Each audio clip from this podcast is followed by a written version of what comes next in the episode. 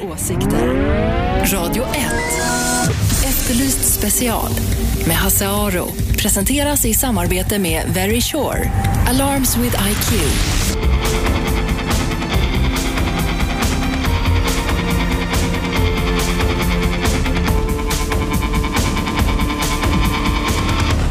Välkomna hit. Efterlyst special lyssnar ni alltså på. Eh, eh, och vi ska prata, om ni tycker att jag låter en aning eh, okoncentrerad just nu så är det att jag försöker fixa lite med tekniken här och det vet vi alla att det är inte riktigt min grej.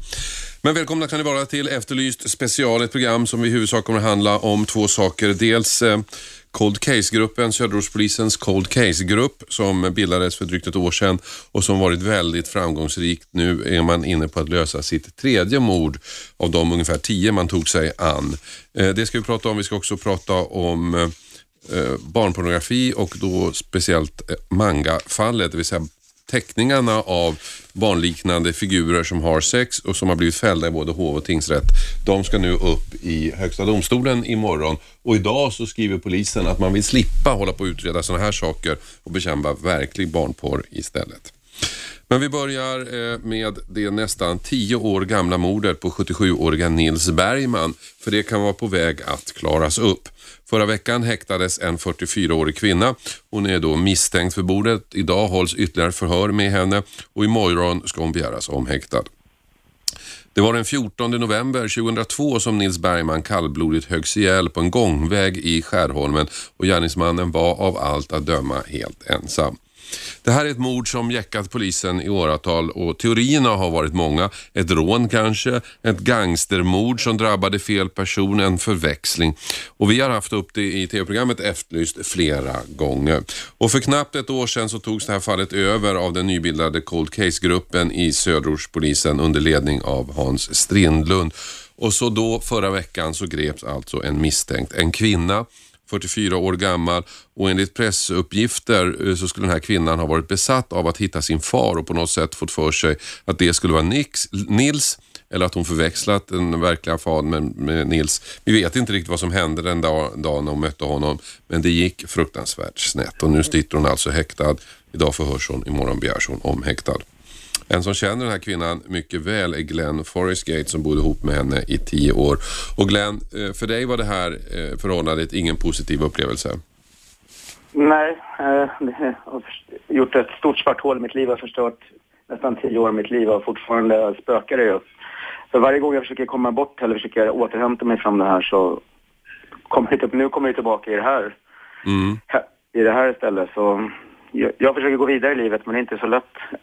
För det påminns hela tiden dels genom skulder som jag har, som hon har åsamkat mig och sen har hon förstört en karriär som jag håller på att bygga upp igen och sen nu då kommer det här upp igen och river upp svarta mm. hål i, i själen. Det är ganska jobbigt. Vad var det? Kan du beskriva ert förhållande? Ja, i, i början var det bra men efter ett tag så började hon det, känna att det var, kom in gas i lägenheten. Att, vi, att, att det läckte gas i lägenheten och sen började hon prata om att vi blev buggade och sen fick hon vansinnesutbrott, började sparka på mig, slå på mig. Och jag, jag fattade inte i början att, att hon var psykiskt sjuk. Det tog, det tog ganska lång tid. När man lever med någon och tycker om någon och, och, och vardagen, man, man tänker så här att ja, ja, men om jag gör så här så blir det bättre. Jag förstår mycket väl kvinnor som blir slagna och inte, kommer, inte lämnar sina män utan problemet blir att man blir mer sjuk till slut. Man, mm. man får släcka massa bränder överallt. Det enda man får göra är att se till att vardagen klaras på något sätt och jag var tvungen att driva mina bolag jag jobbade med. För vi måste ju få in pengar på något sätt. Samtidigt som jag heltidsjobbar och tar hand om henne och hennes utbrott. Mm. Och det här att, att hon trodde att det kom in gas i lägenheten och att ni var buggade och sådär. Det är ju sådana här klassiska symptom på att allting inte står rätt till. Men du, du såg inte riktigt det? Ja, det, det var så en lång det sakta men säkert. Först började det med buller i golvet och jag vill bara förkorta det lite. Det var en lång process. Mm, jag förstår. Det blev bara värre och värre och jag skulle kontakta hyresvärdar och allting. Och när inte saker och ting funkade, då fick jag ta skiten. Och då, då kan man fråga sig, jag, jag tränar och jag är stark kille och tränar kampsport. Varför slår jag inte tillbaka? För jag inte slå tillbaka på en tjej. Det är därför. Plus att hon... Man blir chockad när en tjej, när någon man älskar slår en liksom. Mm. Man, man tappar garden helt och hållet och allt, allting blir bara overkligt. Efter, efter första gången hon gjorde det så eskalerade det hela tiden. Mm. Det sägs ju då det här med, med hennes pappa, det verkar vara en stor grej i hennes liv. Kan du berätta om det? Ja, jag skriver om det i min bok då, när mardrömmen mm. blev sann. Att, vad heter det, hon fick ut massa papper från uh, arkivet, så här, socialarkivet, uh, i, i Värtahamnen. gick hon och hämtade och hon förfalskade sin mammas vet, underskrift. Så hon fick ut all, all sekretess lagt för mamman också, för hon vägrade skriva på papperna. Mm. Och där stod det en massa saker om hennes barndom och det, som, så hon blev väldigt upprörd. Vi, vi hyrde en stuga uppe i Älvkarleby och åkte dit med bilen och, och skulle läsa igenom papperna. Det var ju en tjock lunta, det var ju kanske 500-600 papper. Och hon fick spelet där uppe och hon läste vad som stod där. Och där, där nämndes i alla fall eventuellt en som, som var, kunde varit hennes pappa. Och det hade varit en rättegång om att det var pappa, men han blev frikänd att det inte var hennes pappa. Mm. Men då blev hon helt besatt av det där. Och hon trodde att det var hennes pappa? Ja, hon ville ju ha en pappa för hennes mamma var, var, var alkoholist och drack och hade skitit henne och hon har haft en jobbig uppväxt. Hon har varit på fosterhem och barnhem och så, så hon ville upprätta sig i livet att hon hade en normal pappa då som... Mm. Då skulle allting lösa sig, fick hon för sig. Mm. Jag försökte få henne att glömma dåtiden, för jag hjälpte in henne i skivbranschen och musikbranschen. Vi gjorde musik och hon fick komma in mer och mer. Jag försökte säga så här, tänk det positiva nu när du kommer in, du får börja bli DJ, du kommer in här och får ett nytt liv istället. Mm. Lämna det gamla, men det gick inte, utan det var hela tiden upprättelse. Hon, hon skulle ha allting liksom. Och det, det, skulle, hon skulle ha reda på det där och så skulle hon ha ersättning av staten och allt möjligt för det. Mm. Eh, ni lyssnar alltså på Efterlyst special. Vi pratar om mordet på 77-åriga Nils Bergman som kan vara på väg att klaras upp och eh, i, eh, en 44-årig kvinna sitter häktad, kommer att begäras omhäktad imorgon misstänkt för att ha begått det här mordet. Och jag pratar med Glenn Forrestgate som har bott ihop med den här kvinnan tidigare, varit tillsammans med henne. Och när hon, när hon fick reda på det här, när hon fick ut de här papperna om sin bakgrund, då blev hon lite besatt och försökte anmäla myndigheter och få någon slags upprättelse. Ja, exakt. Och det var hela tiden jag skulle göra. Hon, hon gjorde inte så mycket. Jag fick ta hand om allt i hennes liv. Jag skulle renovera lägenheterna för de ska lyxrenoveras och, och vet eh, polisanmälningar och, och kontakta advokat för att, för att försöka få upp fallet mot hennes så kallade pappa igen och det var hela tiden saker att göra. Till slut när, när hon flippade ut för mycket, när, när, när hon uh, när, en gång när hon fick sina anfall så jag tror att hon hörde röster och sånt där och då blev hon så jävla rädd och då fick jag skiten istället. Mm. Jag kan mm. bara tänka mig att det var något sånt. Du, du har skrivit, du har skrivit en bok om det här som du nämnde, När mardrömmen blev sann och det, det skildrar då ert förhållande under tio år och hur du långsamt bryts ner psykiskt. Mm, totalt bryts ner. Mm. Det, är, ja, det är hemskt att man kan brytas ner så mycket. Nu, jag fattar fortfarande inte nu alltså, varför stack jag inte? Nej. när jag läste min korrekturläste min bok själv och kollade så varför stack jag inte för? Men, men det var inte så, vem skulle ta hand om henne då? Det, när man tycker om någon och det blir som en familj och man märker hur problem de har, hur, och de klarar sig inte själv, då, då blir man att man blir mer sjuk och försöker hjälpa till och Ja, jag göra på alla möjliga sätt, men det funkar inte så. Och så tror jag att det också kan det vara så när man är mitt inne i det så är det svårt att få den här överblicken och när du läser om det, vad du själv har skrivit, det är ju då först du får hela perspektivet. Oj. Mm. Och framförallt fanns det ingen referensmaterial för mig som man. För när jag pratar med, alltså om jag pratar med någon, det är ingen som trodde på det fanns inga liknande fall på den tiden. Det finns inga, fanns ingen mansjour som hjälper män. Det fanns en mansjour som hjälpte män som slår kvinnor, vilket är helt jävla sinnessjukt.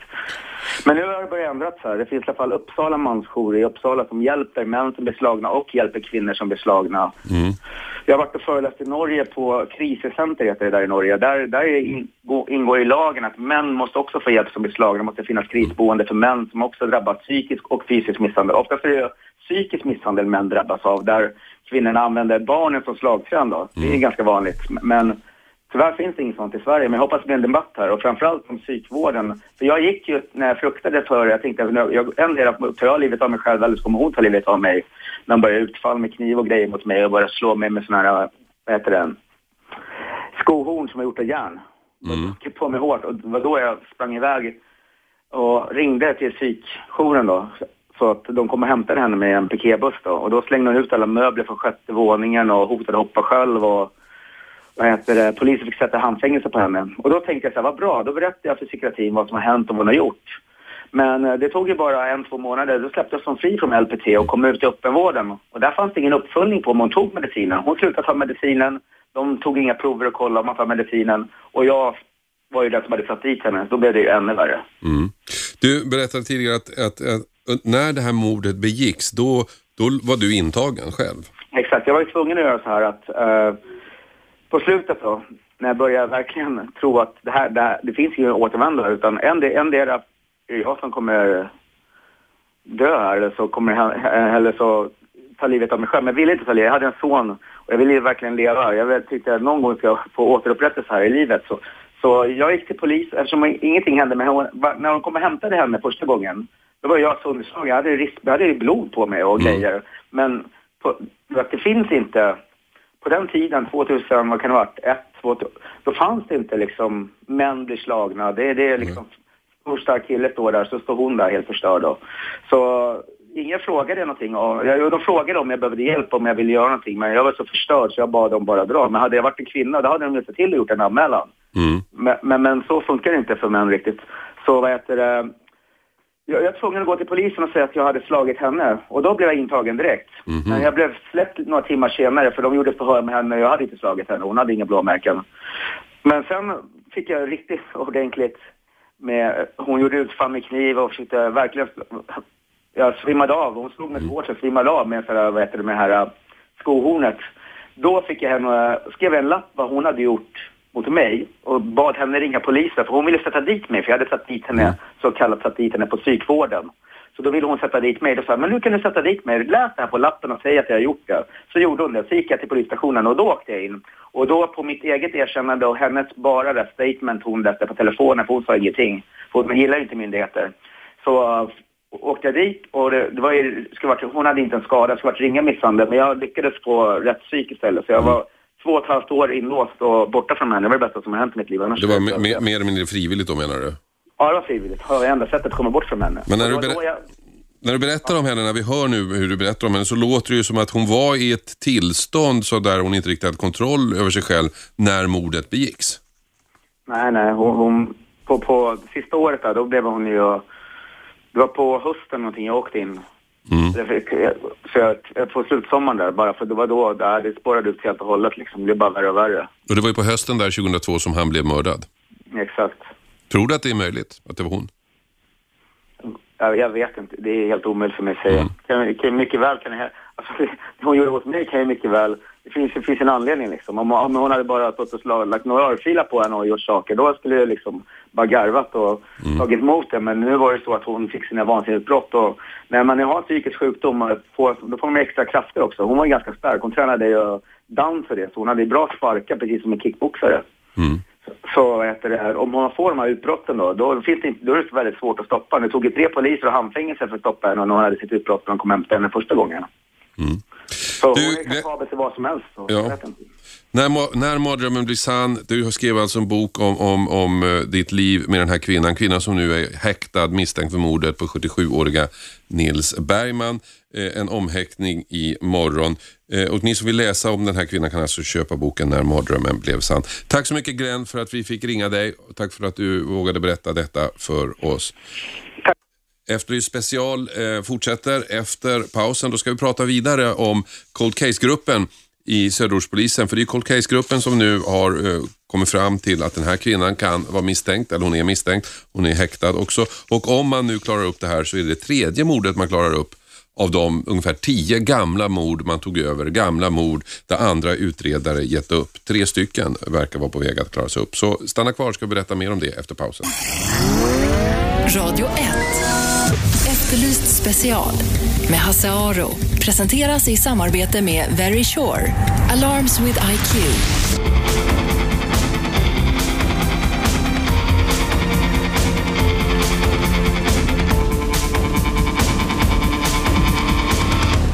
Välkomna tillbaka. Efterlyst special lyssnar ni på. Eh, vi pratade tidigare om mordet på 77-åriga Nils Bergman som kan vara på väg att klaras upp. En 44-årig kvinna är häktad. Och om nu mordet på Nils Bergman klaras upp och det visar sig att den här häktade 44-åriga kvinnan är skyldig, ja då innebär det ytterligare en triumf för Cold Case-gruppen på Söderortspolisen. Cold Case betyder ju kalla fall och gruppen skulle gå igenom cirka 10 stycken gamla mord för att se om det gick att hitta nya spår. Och arbetet kröntes ganska snart av framgång. Två olösta mord i Högdalen 2007 blev de första fallen som utredningsgruppen tog tag i och ganska snart så kopplade man ihop de här två morden att det, inte, att det var en och samma gärningsmän och i februari i år så erkände en man att det var han som hade mördat båda offren. Så gruppen fick alltså framgång i ett fall och ett annat fall när det gällde ett begravt barnlik så fick man också framgång, inte riktigt som man hade föreställt sig men på ett annat sätt. Och nu om det stämmer alltså mordet på Nils Bergman där den kvinna är, är häktad för eh, misstänkt för det mordet. Lilian Langborg, du är en av utredarna som var med och startade gruppen. Eh, berätta, du, du fick förfrågan att vara med här och du tvekade aldrig i den här gruppen. Nej, oh nej. Det är en av de roligaste saker jag har hållit på med under mina år som polis. Vad, vad var det som var så roligt? Eh, att få jobba i lugn och ro med ett ärende och gå till botten med alla trådar utan att bli störd av nya ärenden som hela tiden ramlar in, så är verkligheten på kriminalavdelningen i vanliga fall. Är det så alltså att man får inte liksom koncentrera sig på det man vill göra i vanliga fall? Nej, det, verkligheten ser inte ut så. Eh, utan eh, personalstyrkan tror jag inte riktigt är anpassad till orderingången. Jag förstår. Men du, om man då, hur gör man då? Man, man, man, man, Okej, okay, nu ska vi titta på det här mordet. Hur gör man? Var börjar man? Vad är liksom, man hämtar en kopp kaffe och sen då? Ja, och så, ja det, det, man, det vi får börja med när vi pratar om mord som inte är inlagt i, dat, i datorsystemen, det är ju att vi får plocka upp fyra eh, flyttkartonger med papper och sätta oss och sortera ut, läsa varenda papper i kronologisk ordning kan man väl säga. Mm. Så att man sen har en stor hög med papper som man tycker eh, har betydelse för utredningen. Sen får man sätta sig och scanna in alla dem så att man får hela utredningen i datorn, för det är ju där den ska ligga idag. Mm. Och vad är det då man tittar efter? Ja, man tittar som om det var precis nyligen hänt. Man börjar läsa anmälan och sen läser man de PM som polisen har skrivit. Och så sitter man med penna och papper vid sidan om och gör egna noteringar. Och så just det här att man inte blir störd av ett annat ärende gör ju att man kan gå i botten med hela ärendet i lugn och ro. Ingen har känsla av att man har en tidspress på sig. Och då blir det noggrant gjort och då tror jag att det ger större resultat. Mm. Men är man inte rädd, för att det här är ändå ett fall som någon har misslyckats med, är man inte rädd för att det ska vara hopplöst? Nej, jag tänker inte i de banorna. Eh, nej, absolut inte. Och jag tror ibland också att tiden kan vara till vår fördel. Eh, för att man har gått och burit på den här gärningen under flera års tid. Och har man mördat någon så tror jag att det är få personer som lever med det utan att känna belastning. Mm. Och då om vi kommer efter fyra, fem år eller efter tio år så, ja, i det här Högdalsmorden så var ju tiden gynnsam för oss. Jag tror inte att den här killen hade, hade det bra under de här åren. Nej. Högdalen är intressant därför att när det utreddes första gången så utreddes det som två olika eh, ärenden, så att säga, två olika mord. Men ni kom ganska snart fram till att det kunde vara ett, en gärningsman, så ett ärende egentligen. Ja, jag tror ju att man hade de tankarna när det begav sig, men man eh, hade inte tiden att eh, noggrant eh, fundera, tyvärr. Eh, och kan du, alltså jag har jobbat med poliser ganska länge nu och jag vet ju att poliskåren är väldigt stor. Det finns väldigt många olika slags människor och alla får rum på något sätt. Eh, kan det vara känsligt det här att, att man tar tag i ett ärende som en kollega faktiskt misslyckas med och sen klarar man det? Finns det någon risk för att någon blir trampad på tån? Nej, men det beror ju på hur man förhåller sig till sin omgivning när man jobbar i cold eh, Jag tror att alla människor vill att mord ska lösas. Mm. Eh, och eh, där har vi ju igen krimverksamheter. Jag skulle vilja se mer folk till krim och noggrannare utredningar i inledningsskedet med större grupper som får vara kvar i de här grova brotten.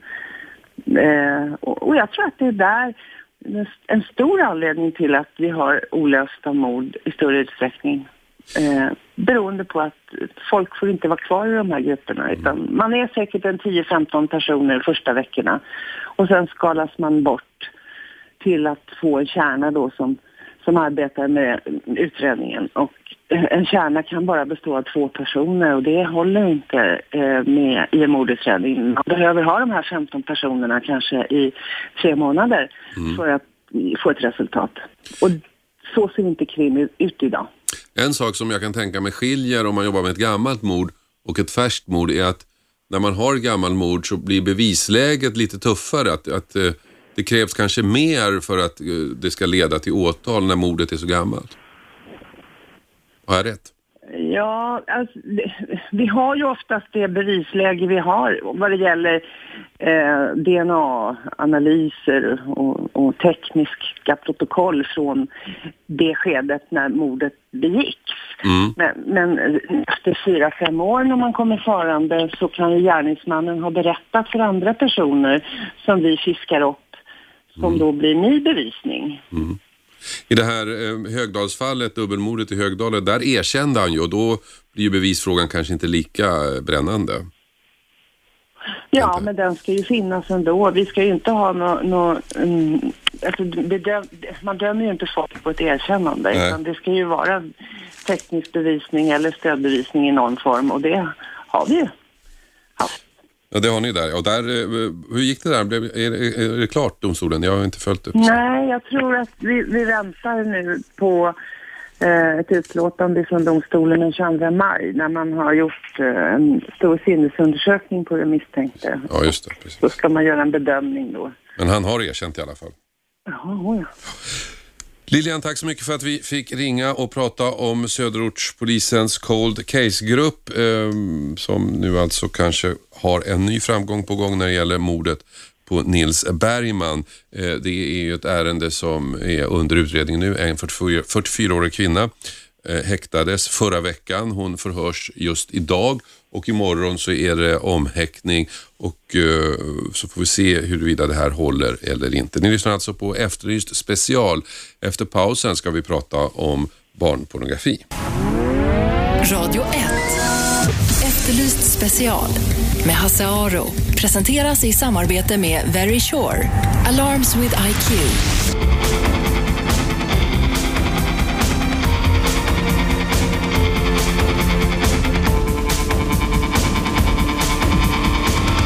Välkomna tillbaka, Efterlyst special. Imorgon tar Högsta domstolen upp det så kallade manga-fallet. Det handlar om serieöversättaren eh, Simon Lundberg i Uppsala som fälldes för barnpornografibrott av både tingsrätten och hovrätten. Han hade nämligen tecknade mangaserier hemma, teckningar som föreställde sexuella aktiviteter med figurer in till förväxling lika barn.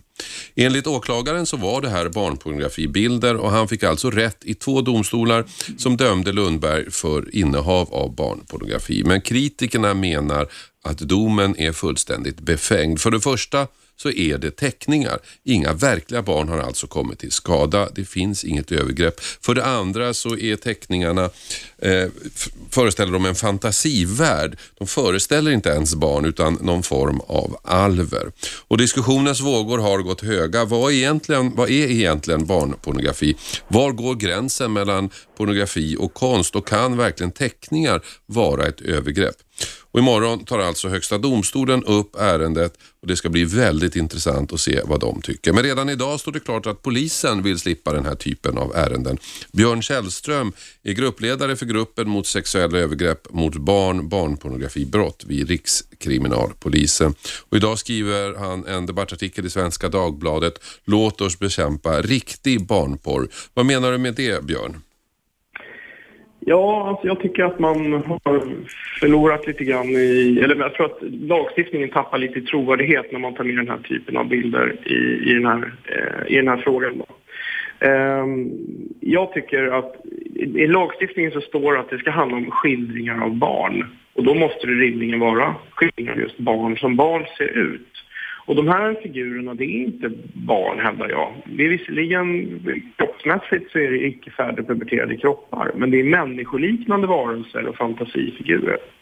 Och jag tror att barnpornografilagen tenderar till att bli lite urlakad när man tar med den här typen av material. Och i förlängningen så kan man ju kan man tänka sig att även Bart Simpson då när han eh, har sexuella aktiviteter med sin mamma också ska betraktas som barnpornografi. Och det tror jag aldrig har varit lagstiftarens mening om jag ska vara ärlig. Och istället så är det ju viktigt att vi får fo- fokusera på att identifiera offer och gärningsmän på det bildmaterialet som beskriver verkliga bilder på övergrepp på barn. Mm. Det här är ju många som tycker också att det är självklart att det här var aldrig tanken att det skulle gälla tecknade serier. Ändå har den här eh, mannen, översättaren, då blivit dömd i två domstolar. Så, så där jättesjälvklart kanske det inte är. Nej, det är ju uppenbarligen det. Och jag tycker att missen man har gjort i både tingsrätten och hovrätten, det är att man inte, och det kan man se om man läser domarna, att man har inte tagit ställning tycker jag fullt ut till vad en skildring av ett barn är för någonting. Utan man har koncentrerat sig på att ja, det här är icke färdigpuberterade kroppar, ja de är pornografiska. Eh, och därmed så är det barnpornografi. Men jag tycker fortfarande inte att det är skildringar av barn och det är det jag tycker är väldigt olyckligt. Och risken finns ju nu att HD eh, också kommer att tycka likadant. Så jag hoppas verkligen att HD i första hand kanske fokuserar mer på vad är en skildring av ett barn och få det tydliggjort. För, vad- för förlängningen är här också att det ska man ju ha klart för sig att de här bilderna är straffvärdesmässigt, alltså det straffet man får för barnpornografibrott är de här bilderna att jämföra med med fotografier på verkliga övergrepp på barn som blir eh, penetrerade av, av, av gärningsmän. Eh, och jag tycker, att, jag tycker att det inte är, är, är schysst mot de barnen att jämföra dem eller sätta dem i, i samma kategori eh, som det här materialet handlar om. Men eh, eh, du säger, alltså, i det här fallet så finns det ju två kriterier man diskuterar. Det ena är att det är teckningar, det andra är att det faktiskt inte ens föreställer barn. Eh, men om det nu hade varit barn, fast teckningar fortfarande, men hade det varit ett annat läge då eller är det fortfarande likadant att det är inga verkliga barn? Nej, alltså då tycker jag, personligen kan jag tycka att, att det, finns en skillnad i det. För där kan man ju faktiskt se att det handlar om, om, om, skild, alltså om skildringar av barn som barn ser ut proportionerligt. Att man klart och tydligt kan se att det här är en avbild av ett barn. Och det är det som lagstiftaren har sagt, att man vill skydda barn som, som grupp eh, med, med den här lagstiftningen. Men jag tycker nog fortfarande att det finns en problematik i att, att teckningar och datoranimerad eh, barnpornografi ska hamna i, liksom i samma grovhetsgrad som, som bilder på faktiska övergrepp. Så om jag fick råda då skulle jag nog skriva om lagstiftningen lite grann och lägga just den tecknade och datoranimerade barnpornografin som ringa brott. Eh, och som är, har en helt betydligt mycket lindrigare straffvärde än bilder på, som beskriver sexuella övergrepp på barn. Vad skulle- det inte idag tyvärr. Vad skulle det innebära för er som utreder de här sakerna om det nu det här eh, stå, domen står fast att mangabilderna fälls även imorgon? Vad, vad innebär det för er då? Ja, risken är ju att vi får mera material. Vi har ju mycket material redan idag att gå igenom med tanke på de stora beslagen som, som, som finns idag. Så materialet för oss är redan stort som det. Och det, det här innebär ju att det finns en risk att det blir ännu större. Och vi vill ju egentligen föra, föra bort fokus ifrån just innehav av en olaglig bild som barnpornografibrottet är till att hellre arbeta mera med identifiering av offer och gärningsmän på, på det materialet som beskriver verkliga övergrepp gällande ett brott som är förmodligen ett av de, de värsta brotten man kan utsätta en annan människa för. Och där, där offren inte sällan är gärningsmannen väldigt närstående. Och det känns ju bra mycket mer angeläget att fokusera på att försöka identifiera de barnen och få bort dem från den miljön än att sitta och bedöma den här typen av material. Det tycker jag. Och då menar du att prioriteringen borde ligga på sånt som så att säga är pågående övergrepp där barnen fortfarande kanske är barn och där övergreppen fortsätter? Ja, precis. Och det är klart att prioriteringsmässigt så, så får man väl för, förmoda och hoppas på att, att man gör den prioriteringen ändå. Men det är fortfarande en, en ytterligare en arbetsuppgift som påläggs oss eh, att vi ska titta på även på den här typen av material. Då. Mm. Um, häng kvar Björn om du har tid för att vi ska lyssna på en annan intervju som jag gjorde tidigare ehm, i ett tidigare program där vi diskuterade det här eh, problemet. För att de här, det här har ju pågått ett tag nu med tanke på att det har varit både i tingsrätt och hovrätt. Och de, eh, där mangabilderna blev fällda både i tingsrätt och hovrätt. Och det finns de som tycker att det här är helt rätt för att när vi diskuterade här i tidigare program i Efterlyst special så medverkade Jenny, hon vill inte uppge sitt riktiga namn, men hon är med i ett hemligt nätverk mot barnporr, Suspicio. Och hon menar att domarna som klassade de här tecknade bilderna som barnporr var helt riktiga. När det gäller den här mangadomen som vi pratade om så Ja. är ju vår ståndpunkt att den är helt korrekt vi hoppas verkligen att om domen går upp i HD att, de står, att domen kvarstår helt enkelt. Varför är den korrekt? Eh, för det första så när man pratar om barnporr så den här diskussionen kring manga-domen har ju präglats av just de här bilderna och vad de föreställer. Man får ju lätt en bild av att det handlar om tecknade gubbar, streckgubbar som har sex med varandra, men så är det ju inte. Och det är ju väldigt få av de här som har diskuterat den här domen som egentligen har sett bilderna. Mm. Men bilderna är tecknade, det är vi överens om? Ja, bilderna är tecknade. Men som någon journalist skrev, nu minns jag inte om det var kulturchefen Karin Olsson eller var det någon annan som skrev att det handlade om att det är älvor som har sex bland annat. Mm. Och i det här fallet då så fick medierna, tror jag, tillstånd att ta, få ta del av de här bilderna Mm. som ingen annan hade sett. Och då kom man ju faktiskt fram till att det här handlar om alltså barn som föreställer fyra, femåringar, kanske eventuellt upp till nio år, väldigt verklighetstroget, blir alltså penetrerade av vuxna män. Mm. Och eh, det är sådana bilder det är fråga om och vi tycker att det finns, sådana bilder har inget existensberättigande. Du, får jag fråga dig en sak, bara en liten bifråga här som gör mig lite nyfiken i alla fall. Ni har ett nätverk, ni har en blogg som heter Suspicio, om jag uttalar det stämmer. Eh, Och där, där, där ni bloggar om det här och ni är, ni är alla anonyma och den här typen av bloggar, anonyma bloggar brukar ju folk ha som inte har åsikter som, är, som de tycker är rumsrena eller politiskt korrekta. Men att vara emot barnporr är väl den mest politiskt korrekta åsikt man kan ha. Vad, vad, vad är anledningen till att ni känner att ni måste vara anonyma? Ja, om, om vi nu pratar om internet om, så kan vi säga det att jag tror att vi är, vi har, våra åsikter är inte politiskt korrekta helt enkelt ute på nätet.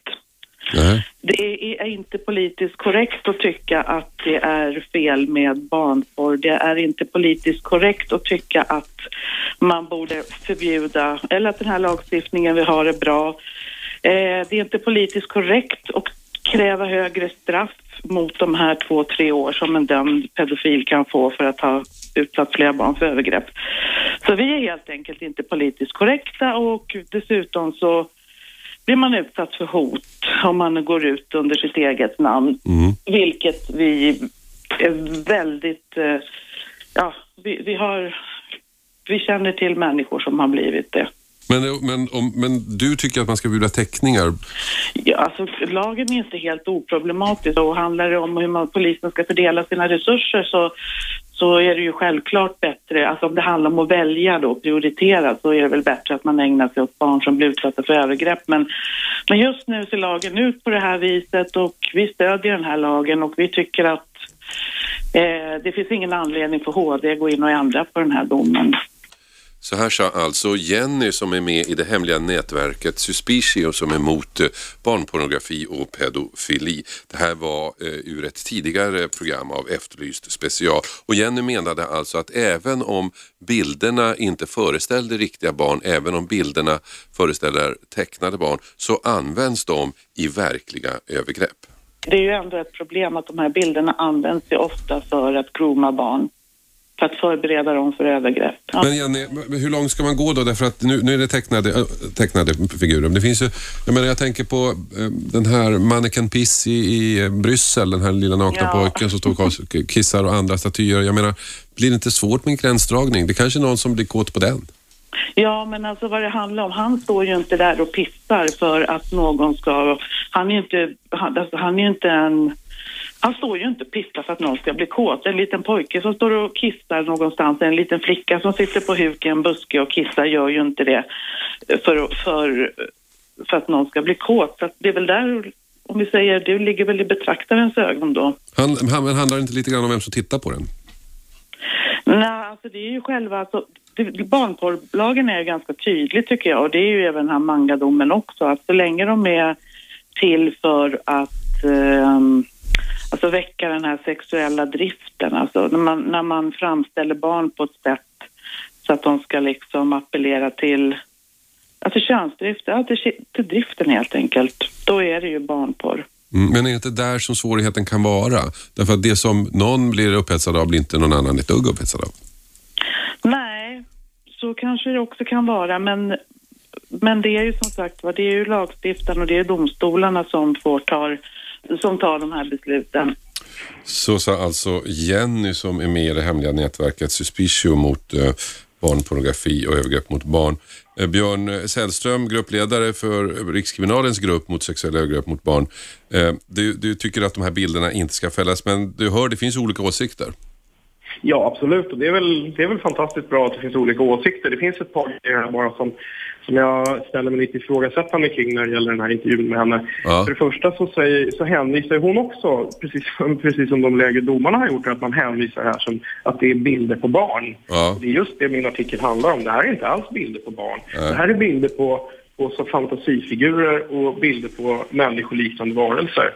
Det är det ena. Det andra är när hon säger att det är väldigt vanligt förekommande, det händer väldigt ofta att man använder de här bilderna i en groomingprocess. Mm. Det skulle vara väldigt intressant att ta del av vad, den, vad, vad, vad hon bygger det argumentet på. För så vitt jag vet så är inte det alls speciellt vanligt. Och groomingprocess det innebär att man använder bilderna för att på något sätt eh, som en inledning till verkliga övergrepp av verkliga barn. Ja, precis. Att man, att man visar de här för, för små barn och, och påvisa att det här är egentligen ganska mysigt och kul och, och, och hela den biten. Ja, men det finns väldigt lite stöd för att det verkligen stämmer. Det finns säkert en och annan dom, men det är verkligen inte vanligt förekommande. Och det vet jag, vågar påstå, för att jag har pratat med, med folk som jobbar med gärningsmän och har gått igenom domar och gått igenom den här problematiken och de säger att de, de, de tycker att det är lite förvånande att man använder det som argument. Tack så mycket Björn för att vi fick ringa upp Björn Källström som alltså är gruppledare för gruppen mot sexuella övergrepp på barn och barnpornografibrott vid Rikspolis, vid Rikskrim. Eh, Eh, vi pratar om de här mangabilderna, alltså tecknade bilder av mangafigurer som i två domstolar har blivit eh, fällda för att vara barnpornografi. Kan tecknade bilder verkligen vara riktig barnpornografi? Är det rätt att fälla han som hade bilderna eller är lagstift eller är domstolarna ute och cyklar helt och hållet? Vad tycker ni som lyssnar? 0200 11 12 13. Ring till oss 0200 11 12 13. Berätta vad du tycker om tecknad barnpornografi. Ska det förbjudas eller inte? Vi tar eh, vi är strax tillbaka. Jag tar samtal under reklamen 0200 11 12 13. Åsikter. Radio 1. Efterlyst special med Hasse Aro.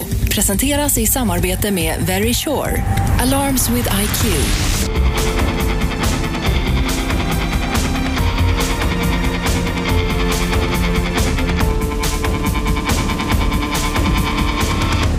Välkomna tillbaka till Efterlyst special. Vi pratar barnpornografi. Detta med anledning av att Högsta domstolen imorgon tar upp det så kallade mangafallet.